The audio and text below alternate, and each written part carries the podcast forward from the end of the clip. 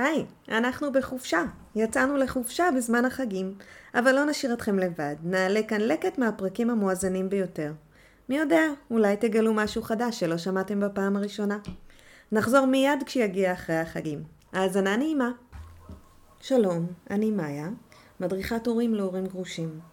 בעולמי אני פוגשת אנשים גרושים מדי יום, לכל אחד סיפור שונה וחוויה אחרת. אז מעבר לסטיגמות, בואו לשמוע על הקשיים, ההצלחות ועל החיים אחרי הנישואים. פתיח ומתחילים.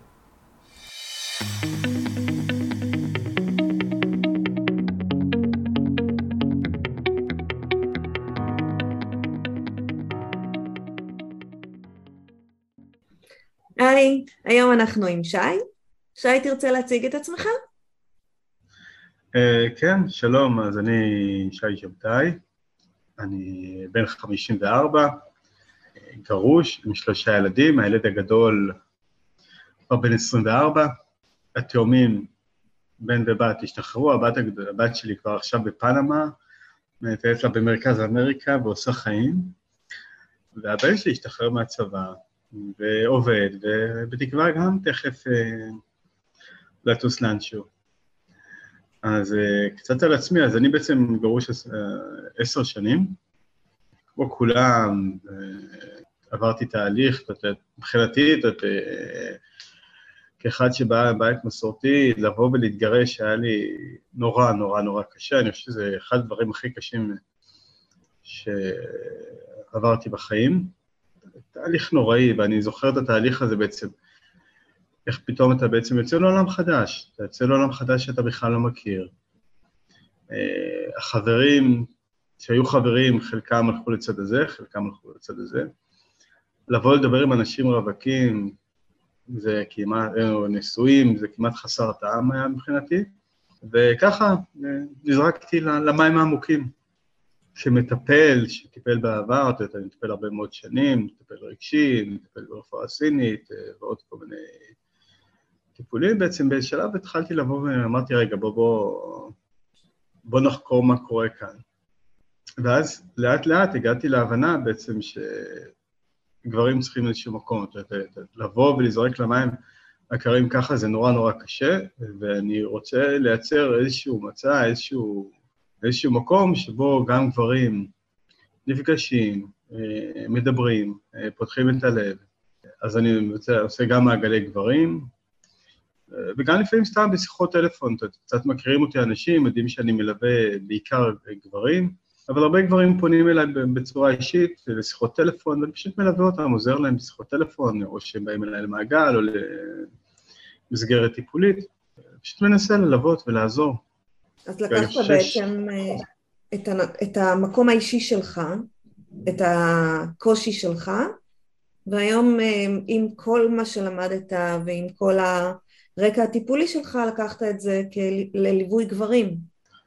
אה, כן, כן, האמת שמאז הגירושים העמקתי את הלימודים יותר, אני גם למדתי טיפול זוקי וגם אה, טיפול רגשי ועוד בתקשורת מקרבת,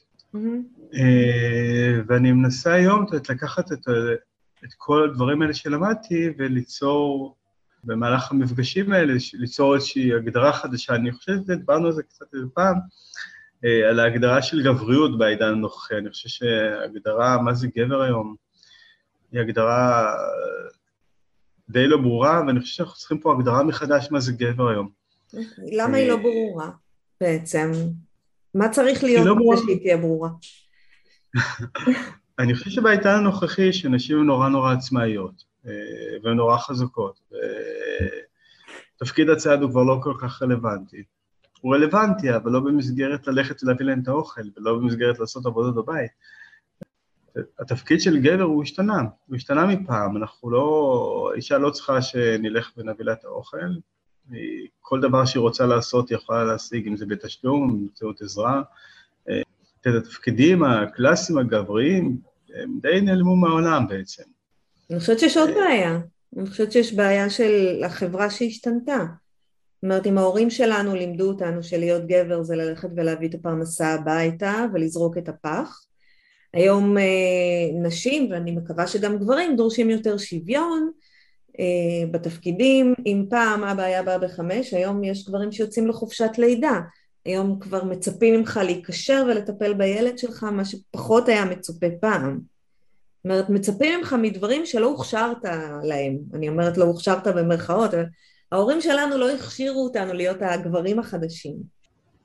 נכון, אנחנו עוברים שינויים. אתה, העולם כל הזמן עובר שינויים, אנחנו משתנים כל הזמן, בטח במאה הנוכחית, ההתקדמות הטכנולוגית, ההתקדמות התעשייתית, נורא נורא השתנה המהות אה, הגברית אה, לחלוטין, וכן, צריך לבוא ולהגדיר מה, מה זה גבר, מה זה גבר במאה הנוכחית, איך אנחנו מתפקדים, איך אנחנו מייצרים את אותה...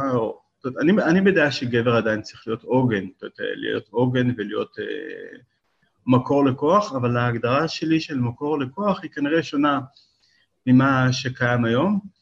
ואני חושב שההגדרה של, של להיות גבר היום זה להיות, לקחת אותם, כל אותן תכונות שהגדרנו פעם כנקביות, את אה, חמלה ו- ורוך והקשבה וכל הדברים האלה, את לקחת אותם למקום הגברי, את לבוא ולהגדיר שהם דווקא אה, תכונות נקביות, ואני באתי מעולם הטנטרה שמאוד מאוד, אתה מאוד עובר תהליך של חיבור לנקבי, ובו שם מדברים בעצם על כל התכונות האלה שהן תכונות נקביות, ובשביל, בוא תהיה לך, הטנטרה מדברת אה, שבעצם גבר, או כל יצור חי, צריך להיות 50 אחוז גבר נקבי ו-50 אחוז זכרי.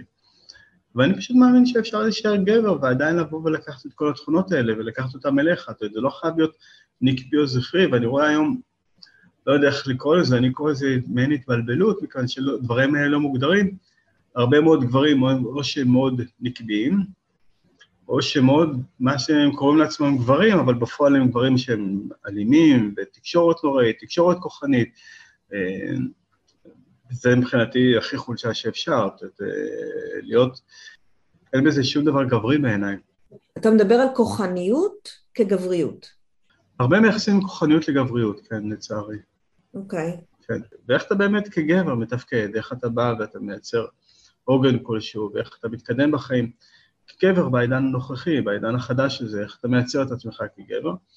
ואני חושב שהמקור, דווקא המקור הזה של לבוא ולהיות עדין וחומל, ועדיין להיות עם הסנטר שלך, לא לאבד את הסנטר. וזה בעיניי הנוכחות הגברית היותר נכונה היום, זו הנוכחות הגברית שאני רוצה להביא, אה, מתוך אה, מה שנקרא, אנחנו רואים, היפנים רואים שצריך להיות חזק כמו הבמבוק, להיות מאוד מאוד גמיש, אבל עדיין הגמישות הזאת היא הרבה מקור של כוח, ולא מקור של אה, חולשה. ומה זה הסנטר שאתה מדבר עליו? אה, שאלה. שאלה טובה. החיים קורים כל הזמן, את יודעת, כל הזמן יש, אה, החיים כל הזמן, החיים קורים, וכל הזמן יש לנו קונפליקטים, וכל הזמן יש לנו מצבים רגשיים קשים.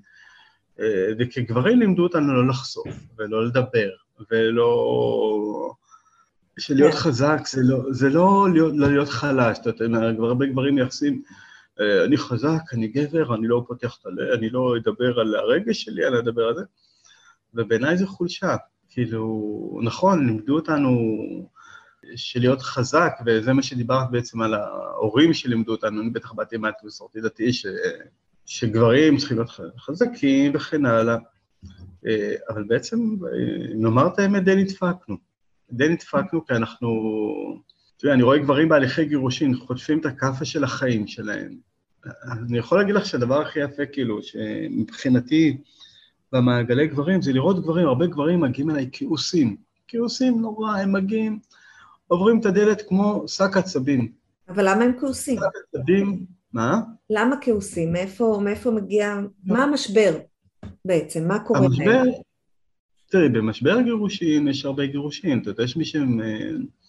את יודעת, מחקרים מראים שהיום תהליך של גירושין הוא כואב בשנה הראשונה יותר מאשר אובדן בן משפחה קרוב. וואלה. עם הזמן זה יורד, את יודעת, זה משתפר הרבה יותר, אבל בשנה הראשונה הוא כאב הוא עצום.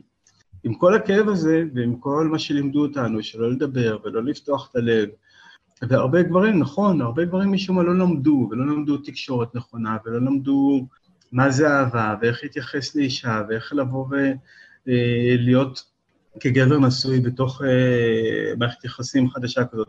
רוב מקרי הגירושין, אני מניח שאת יודעת, נשים יוזמות. כן. ופתאום הם מוצאים את עצמם לבד. זה מכה לאגו, זה מכה כלכלית.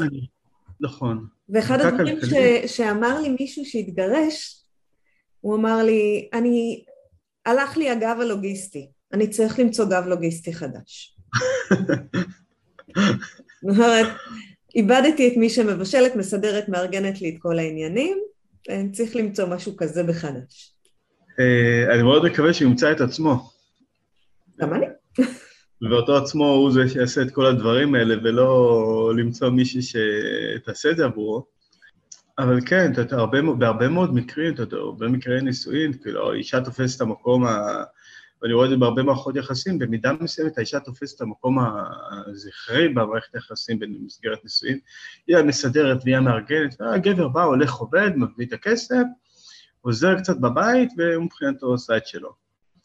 ונכון, פתאום אומרים לו, אתה לבד, וכן, נשים אה, מאוד חזקות, ואני רואה את זה בהרבה פעמים בתהליכי גירושין, שנשים יודעות מה, הן הולכות לעשות. היא כבר יזמה את זה, היא כבר יודעת, הגבר פתאום מופתע, היא כבר הכינה הכל, יודעת בדיוק מה יהיה. וגם נשים הן יודעות במידה מסוימת, אני חושב, טיפה יותר אה, לבוא ולהגיד, אין מה לעשות, לא טוב לי במערכת היחסים הזאת, הנישואים האלה לא טובים לי, mm-hmm. מכל סיבה שהיא, להרוס את עצמה ולהתחיל בתהליך, והיא עושה את זה בצורה מסודרת, ו... והרבה גברים חווים את זה כמשהו נורא קר. נורא קר, איך היא עושה להם את זה, ואיך היא פוגעת בהם, ו... וכן הלאה וכן הלאה. והמטרה מבחינתי, אחת המטרות הכי חשובות במעגלי גברים האלה, להבין שבסופו של דבר האישה שמרה על עצמה. היא לא עשתה את זה מתוך מקום אה, רע, והיא לא התכוונה להרע לו, היא פשוט שמרה על עצמה, לא היה לה רע, לא היה לה טוב. והמטרה מבחינתי היא לבוא, המטרה העיקרית מבחינתי במעגלים האלה, דבר ראשון להוריד את הכעס, כי כל עוד שגברים נמצאים בכעס הזה, הם לא יכולים לעבור שום תהליך. זאת לבוא ולדבר עם בן אדם, לפתוח את הרגש ממש וכן הלאה, הוא חייב קודם לשחרר את הכעס. והחלק הראשון, המרכזי שאני מבצעת, אנחנו עוברים תהליכים ושיחות וכן הלאה, פשוט לשחרר את הכעס הזה. כי עם הכעס הזה אתה לא, לא תגיע לכלום. ויש לי פה, היו לי פה גברים שהיו, התגרשו לפני עשר ו-12 שנה ועדיין עם, עם, עם הכעס הזה, עם הכעס על הגרושה שלהם, איך היא עשתה את זה ולמה היא עשתה להם את זה וכן הלאה. והם צריכים להבין שזה בעצם, דבר ראשון, גם אם האישה יזמה את זה, כנראה שלא היה טוב. וגם אם הייתה, תמיד אומרים לי על בגידות, היא בגדה בי וכן הלאה, אז גם בבגידה התפיסות, התפיסה שלי היא קצת אה, שונה מהמקובל, אה, כי אני מאמין שכל בגידה, דבר ראשון, אנחנו קוראים לבגידה אך ורק בגידה פיזית כבגידה, ומבחינתי זה, זה שטות, כי בגידה, בכל מערכת יחסים שאנחנו נכנסים אליה, יש איזה סט הסכמות שאנחנו לא יודעים, לרוב אנחנו לא יודעים לבוא ולומר אותן, אבל אנחנו נכנסים למערכת היחסים עם סט הסכמות שמבחינתנו, אה, זה מה שצריך להיות במערכת היחסים. אתה מדבר על סט הסכמות שנקבע מראש, בלי, בלי שאנחנו מודעים לו בעצם.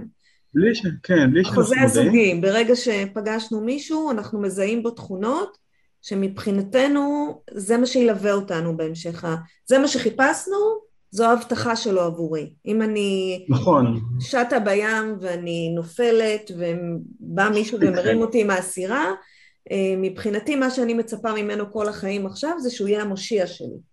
גם בלי שאני אומרת את זה. נכון. זה לא רק המושיע, גם יותר מזה. למשל, אני יכול להגיד לך שאני מבחינתי, אה, נושא של כבוד והערכה בין, ביני לבין הבת זוג שלי, אוקיי? זאת שיח עם כבוד והערכה מולי ומול הבת זוג שלי, מבחינתי, זה must have, זאת אומרת, לא יכול להיות מערכת יחסים שבה אין שיח מכבד אחד את השני, אוקיי? Mm-hmm. וזה דבר שאנחנו לא מדברים אותו. כן. ואנחנו מבחינתנו, שיח מכבד, זה must במערכת יחסים. אנחנו לא יודעים רק לבוא, כן, אנחנו רק לא יודעים לבוא ולהגיד, תקשיבי, אני מבחינתי מערכת יחסים, אני לא מסוגל להיות במערכת יחסים, זה מבחינתי have, שיהיה בינינו, בינינו שיח מכבד, וברגע שאין שיח מכבד, גבר שגבר שמתחיל לזלזל באישה ולפגוע באישה ולא מתייחס אליה בכבוד, וגם ההפך, אישה שפתאום לא רואה את הגבר, מתייחס אליו כמו איזה ילד קטן, ומזלזלת בו מול חברים ומול זה. בתהליך הזה מתרחש בעצם תהליך בגידה לא מודע. Okay. אוקיי. ומשם לרוב, מתבצע גם בגידה פיזית. אנחנו אומרים בגידה זה רק בגידה פיזית, אבל לא, בגידה זה כל מה שבהסכם בין מערכת היחסים הזאת. ומתוך התחושת בגידה הזאת, אוקיי, זה לא חייב להיות בגידה פיזית, הגברים יוצאים עם הרבה מאוד כעס על האישה. Mm-hmm. אז אחד הדברים שאנחנו עושים זה לבוא ולשחרר את הכעס.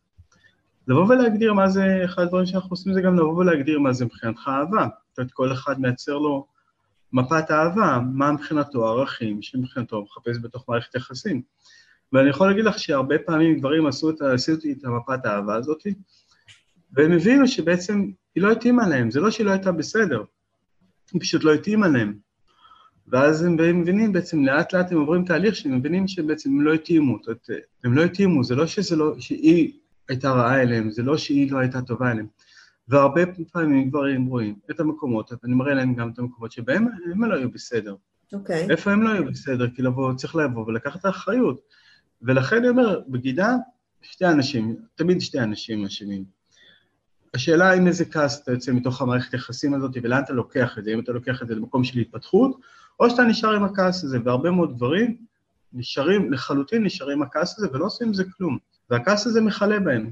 באופן כללי, על מערכת היחסים אחראים שני בני הזוג, וכל מה שקרה, קורה באשמת שני בני הזוג. אני לא הייתי זו שיזמה את הגירושים, קיבלתי את זה די בהפתעה, הייתי מאוד מופתעת מהרצון הזה, והיה לי נורא קל, זאת אומרת היה לי את מי להאשים, הוא אשם, הוא עשה.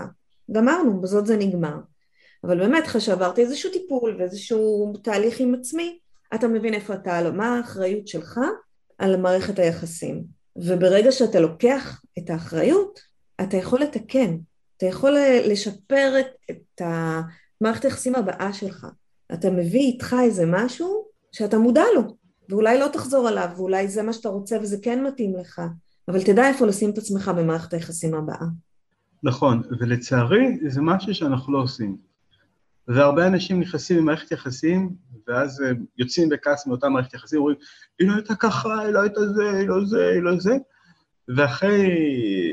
ונפרדים כמובן, ואחרי כמה זמן נכנסים למערכת יחסים חדשה, והם רק בהאשמה כלפי בת הזוג, אבל זה לא משנה, אתה יכול להאשים אותה כמה שאתה רוצה, אם אתה לא למדת מה הצרכים שלך בתוך מערכת יחסים, ולא חיפשת אותה אחת שעונה על הצרכים שלך, אז, אז אה, מה עשית בזה? אני יכול להגיד לך שיש לי היום מטופלים וחברים שהולכים עם פתק של רשימת הצרכים שלהם במערכת יחסים, כאילו כמה שזה נשמע מגוחך, מטופלים שהולכים למערכת, לדייטים, והם מחפשים בבת הזוג את אותם דברים, וברגע שהם לא רואים שיש שם את אחד הדברים, לאחד, למשל יש לי חבר שמאוד חשוב עבורו, מישהי שתהיה עוגן רגשי עבורו.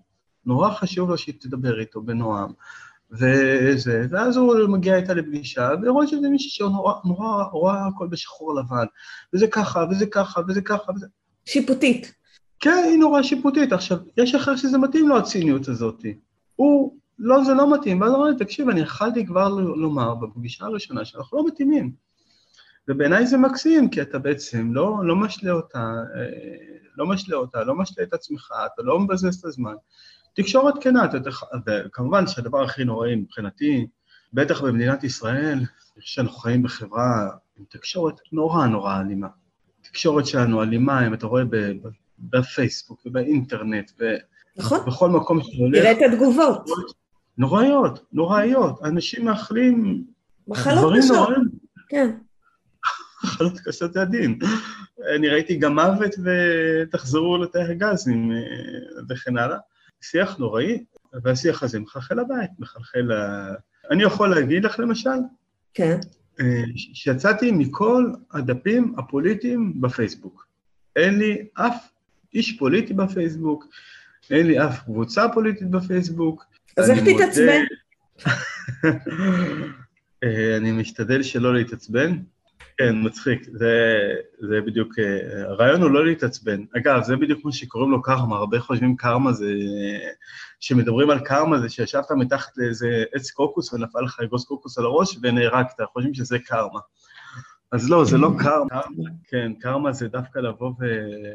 לפני שאתה יושב מתחת לעץ קוקוס, תבדוק שהאם יכול ליפול לך אגוז קוקוס על הראש, ואותו דבר, לפני שאתה נכנס לדף פייסבוק כלשהו, תבדוק מה, מה השיח שם, האם זה ייצור לך נעים בגוף או לא ייצור לך נעים בגוף, ואם לא ייצור לך נעים בגוף, אז תצא משם. כי אם אתה תהיה בתקשורת אלימה ובחברה אלימה, זה יחלחל אליך, אתה גם תהיה אלים. את כל זה מה שדיברנו עכשיו אני אחתוך, ואנחנו זה. אני רוצה רגע להחזיר אותנו אחורה ולהבין מה זה מעגלי גברים בעצם, ולמה צריך אותם. אם יש משהו חשוב בעיניי, זה מעגלי גברים. מה זה? מה חושב... זה הדבר הזה?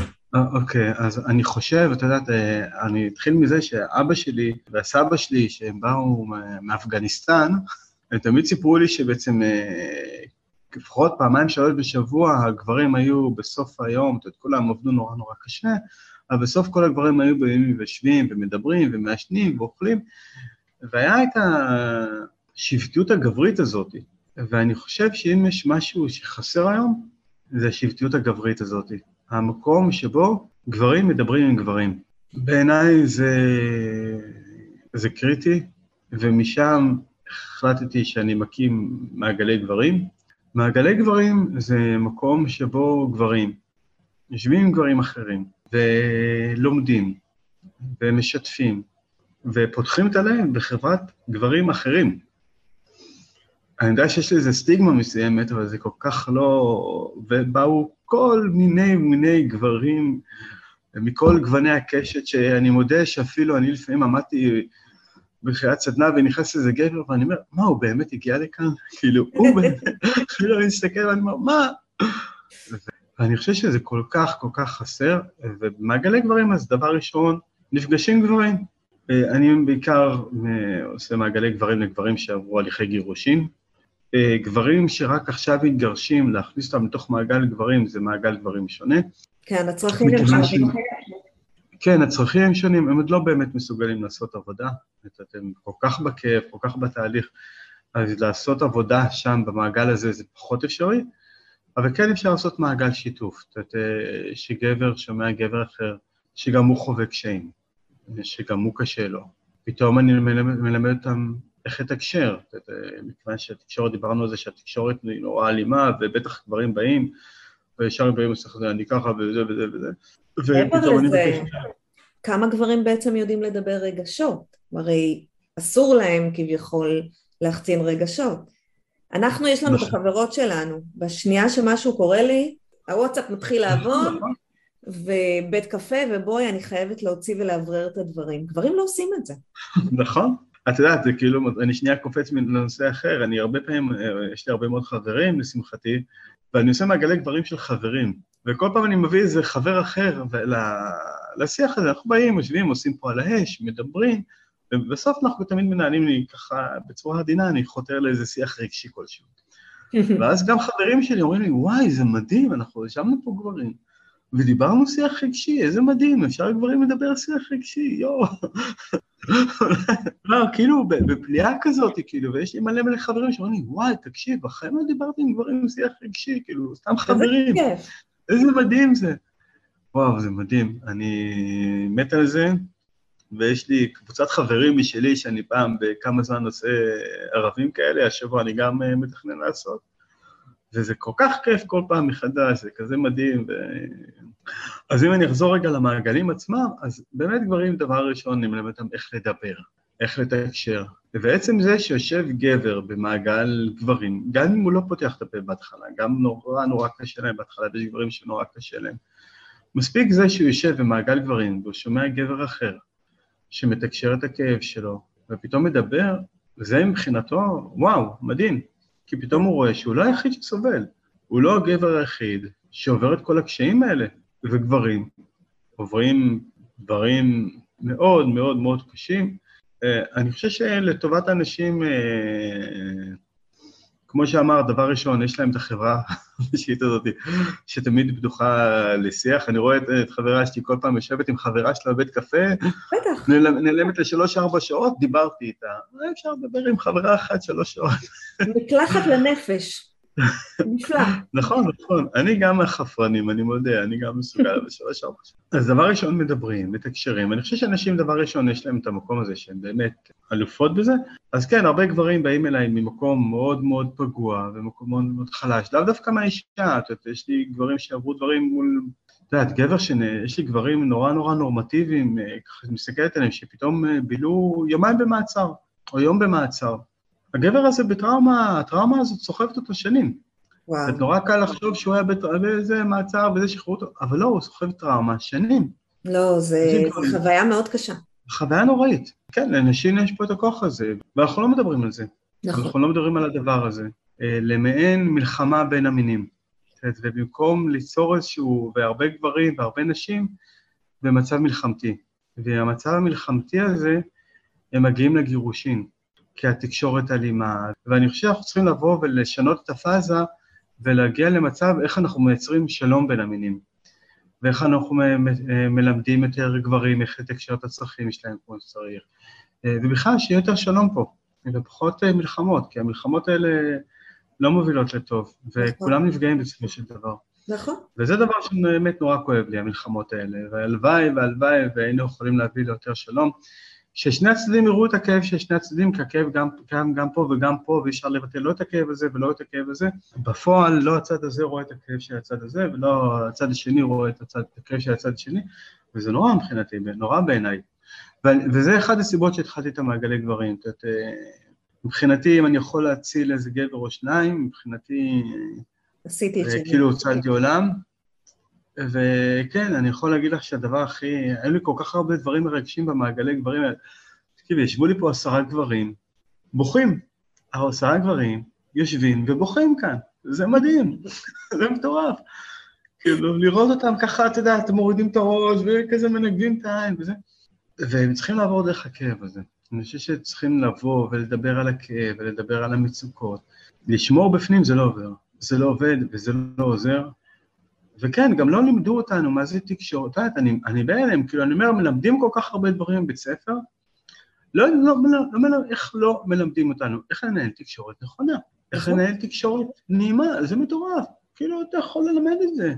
אתה גם לא לומד את זה זה בבית. עד שאתה לא מגיע לאיזה מסגרת טיפולית או לאיזה שהם לימודים, אתה לא לומד תקשורת. לא רק שאתה לא לומד תקשורת, עוד גברים עוד יותר מסכנים. כי מלמדים אותם שגבר גבר, זה צריך להיות גבר ש... סליחה, אה, מקיים יחסי מין כבר בגיל 13-14, אה, יצאת לזה, יאללה, לך תיתן בראש. והוא צריך להיות ככה, והוא צריך להיות ככה, ועם כל אותן תפיסות, הוא מגיע למערכת היחסים, שהוא צריך להיות הגבר, והוא צריך להיות הזה, והוא צריך להיות הזה. ובאה אישה ואומרת לו, מותק, אתה גבר, אבל גבר זה לא אומר שאתה מעליי, זה לא אומר שאתה מתייחס אליי בצורה לא, לא יפה, או כל דבר אחר. אין בזה שום דבר גברי. והרבה גברים, אה, ו- וזה הם מקבלים מהבית. זאת אומרת, הם מקבלים מהבית, מקבלים את זה כבני נוער, מאוד קשה ואני חושב- פתאום לצאת מזה. נורא, נורא, ואני זה יכול מאוד להגיד לך... מושרש בך. תראה, היום מחקרים מראים שהרבה מאוד בני נוער, אה, כמה שאנחנו חושבים שהכל אה, זילות וכן הלאה ופורנו, הרבה בני נוער נמנעים ממיניות. חרדת ביצוע. פחדים, פחד ביצועים, ופחד זה, ופחד זה, והם לא נכנסים למ- למיניות. אנחנו נורא בתפיסה שמצד אחד הפורנו נורא פתוח, והדברים שהולכים שם מזוועת עולם, והרבה בני נוער נורא מושפעים מפורנו, אבל בפועל המצב נוראי, ואתה אתה רואה את זה בכל מקום, אתה רואה את זה במקרים, מה שהיה אונס באילת, כן. ואתה רואה, את, רואה ההורים שלהם, איך הם מדברים. זה, זה, עזוב, זה מזעזע.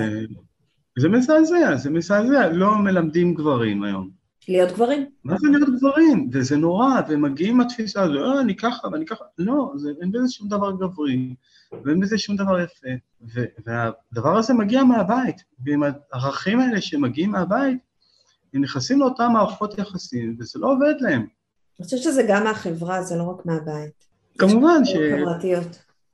ברור, ברור, וכל חברה, תראי, אה, אנחנו מושפעים כמובן מהחברה ומהבית ומהאזור מגורים, ומגורים וכן הלאה וכן הלאה, וכל דבר משפיע עלינו. אבל התפקיד שלנו כהורים, ובטח כאבות, לבוא ולחנך את הבנים, את הבנים שלנו, למה זה מיניות אה, בריאה, מה זה תקשורת מינית, איך להתייחס ואיך לדבר. ופה לצערי אנחנו כושלים. אז במעגלי גברים אנחנו רואים הרבה דברים, זה לא שהם באים ואז באים ומשתפים ולומדים, לומדים, לומדים אה, תקשורת בריאה, לומדים אה, מיניות אפילו, אה, יש על מיניות ועל אה, לשחרר את הכעס, איך לשחרר את הכעס, להבין מה זה לשמור על עצמך, איך לתקשר את הצרכים, אנחנו כל כך גרועים. באמת דבר שאנחנו רואים בו זה לתקשר את הצרכים שלנו, מה אנחנו באמת צריכים ומה אנחנו לא צריכים. ו- ולבוא ולהגדיר את הצרכים ולבנות מפת אהבה, מה הצרכים שלי באהבה, ולבוא ולהבין, להגיע להשלמה שמה שהיה לי זה באמת לא היה טוב, והגרושה שלי לא, לא עשתה לי רע, ולראות את הצרכים שלה ולבוא ולתקשר איתה, יש לי, היה לי מטופל, אחד מהמגלי גברים, שלא דיבר עם אשתו והיה בכעס, הגיע למצב שהוא עם הבת זוג שלו, הזמין את הגרושה שלו והבן זוג שלה לצאת ביחד. וואו. זה מדהים בעיניי. זה מדהים. כן. מטורף. ו... והם, והם באמת עוברים תהליכים, ובאמת יצא לי, היה לי מזל שאת יודעת, היו לי כמה גברים שהיו פה ודיברו איתי, שאמרו לי, תקשיב, אני חשבתי להתאבד. אני הייתי כפסע מלהתאבד. וואו. כן, זה, את יודעת, שפעם גבר אומר לך, תקשיב, אני חשבתי להתאבד, ו... אבל הוא בא ואמר לי, אמרו לי את זה בסוף הסדנה, שפשוט הצלתי להם את החיים. זאת אומרת, אז שאני לא חושב שזה אני שיצא לי את החיים, אלא המקום הזה, אתה יודע, המעגל הזה, הכוח של המעגל, אני לא לוקח את זה לזכותי, כי אני חושב שלמעגל עצמו יש עוצמות מטורפות. כן, ומתוך שם הלכתי ויצרתי את ה... עכשיו יצרתי קבוצה חדשה בפייסבוק. Mm-hmm. אני לא אוהב את כל הקבוצות האלה, הכוחניות, הלא נעימות האלה, שלקוחות חושבות, שחושבים ש... שאם הם ירדו על נשים וכן הלאה, אה, זה מה שיביא את הריפוי, אבל לא, כעס מביא עוד כעס. זה לא מביא שום ריפוי. זה נכון. אה, אה, שום כעס, ופתחתי קבוצה חדשה שנקראת אבא מתגרש, מתוך מטרה לתמוך באנשים שיבואו וישתפו, אם לא בתוך דרך מעגל, שתהיה קבוצה בפייסבוק, שאנשים יוכלו לפתוח את הלב ולדבר ולשתף, ואם אני אוכל לעזור שם, אז מעולה. רק גברים? רק גברים, כן. כי זה נשמע כמו משהו שגם אני רוצה להיות בו. אני שמעתי את זה כל כך הרבה פעמים במעגלי גברים, כל כך הרבה נשים, אני רק הייתי רוצה להיות זבוב על הקיר, רק הייתי רוצה לא, להיות... לא, לא זבוב, לא, משתתפת פעילה. ברור, ברור לי. אה, אני יכול להגיד לך מניסיוני, שברגע שנכנסת אישה למעגל כזה, הדינמיקה משתנה לך. ברור, בטח. והשיח רגשי הוא ב-level אחר. ודווקא בגלל אותם כל דברים שלמדנו מבית. אתה, אתה דווקא מול האישה, אתה פתאום רוצה לשחק את הגבר-גבר, וכן הלאה. לא, אתה מנסה להרשים, כן, זה אחרת. כן. זה, זה, אנחנו בנויים לזה כן. גנטית, אני חושבת. אני יכול להגיד לך אה, משהו באופן די גורף, אה, שישמע לך מפתיע. Mm-hmm. לא פגשתי גבר עד היום שעם קצת הכוונה לא מנהל שיח רגשי, עמוק אפילו. אלה חדשות מאוד שמחות. אני באמת, אני כל כך הופתעתי.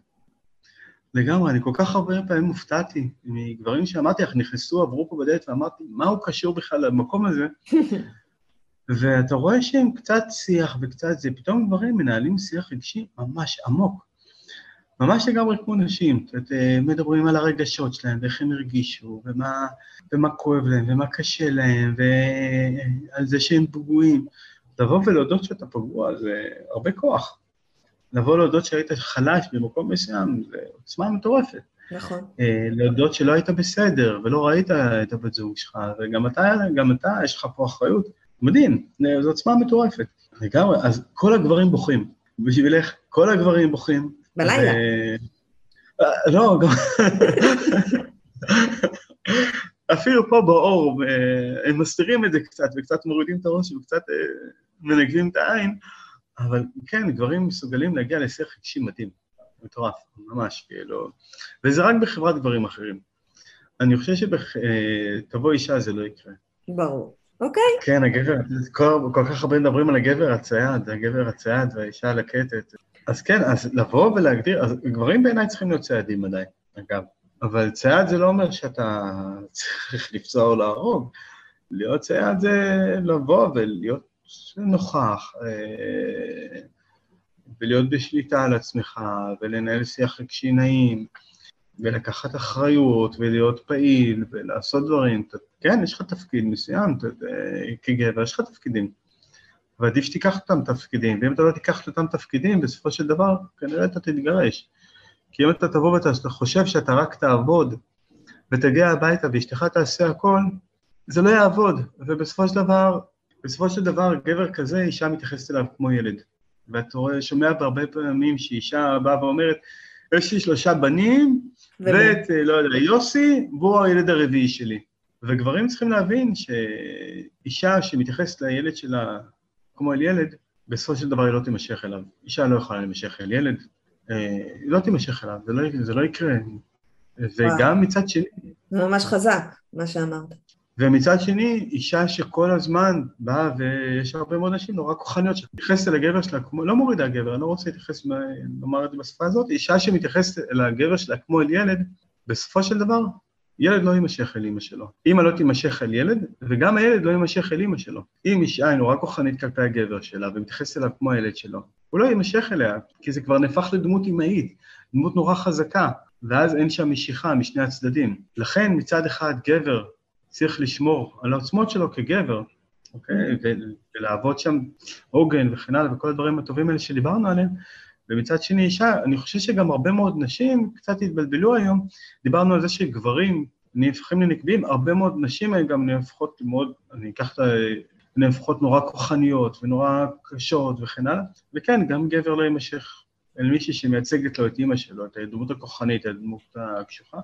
ואני יכול להגיד לך שהרבה בגידות אגב, זה אני אומר כמטפל זוגי, והרבה, אני חשוף לכל התכנים האלה, הרבה מאוד מקרים, נשים שמנהלות רומן, הן מחפשות את הגבר הזה, את הדמות הגברית הזאת, את הדמות הגברית, הנוכחת, הקיימת וכן הלאה, והן מקבלות את זה, כי יש לה אותו כמה שעות בשבוע, והוא נמצא שם, וגברים מחפשים את הדמות הנקבית, את הדמות הרכה, הנעימה, המכילה וכן הלאה, והם מקבלים את זה מחוץ לבית. ואז בעצם במקום לנהל את המערכת יחסים בצורה בריאה ותקינה, כל אחד בעצם דופק את המערכת יחסים, ובסופו של דבר שתיהם נדפקים. אף אחד, אף צד לא יוצא מורווח, וגם זה דבר שלא לומדים. איך לנהל מערכת יחסים, ואיך לתקשר, וכן, זה... המצב לא טוב, המצב ממש לא טוב. ממש מזל שיש לנו אותך. אה, אותי ועוד הרבה מאוד אחרים. נכון, לאט לאט נתקן. אני מאוד מקווה. אם יש לי איזו שליחות, ככה, אני מקווה שאני ממלא את השליחות הזאת אה, בתקווה, אני צריך לעשות יותר, תמיד אני שופט עצמי שאני צריך לעשות יותר ולהשפיע יותר, ואני אעשה.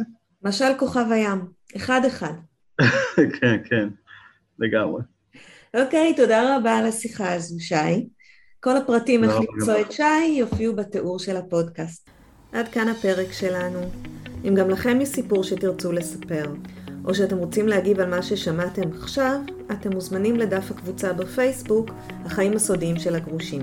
תודה שהאזנתם, נתראה בפרק הבא.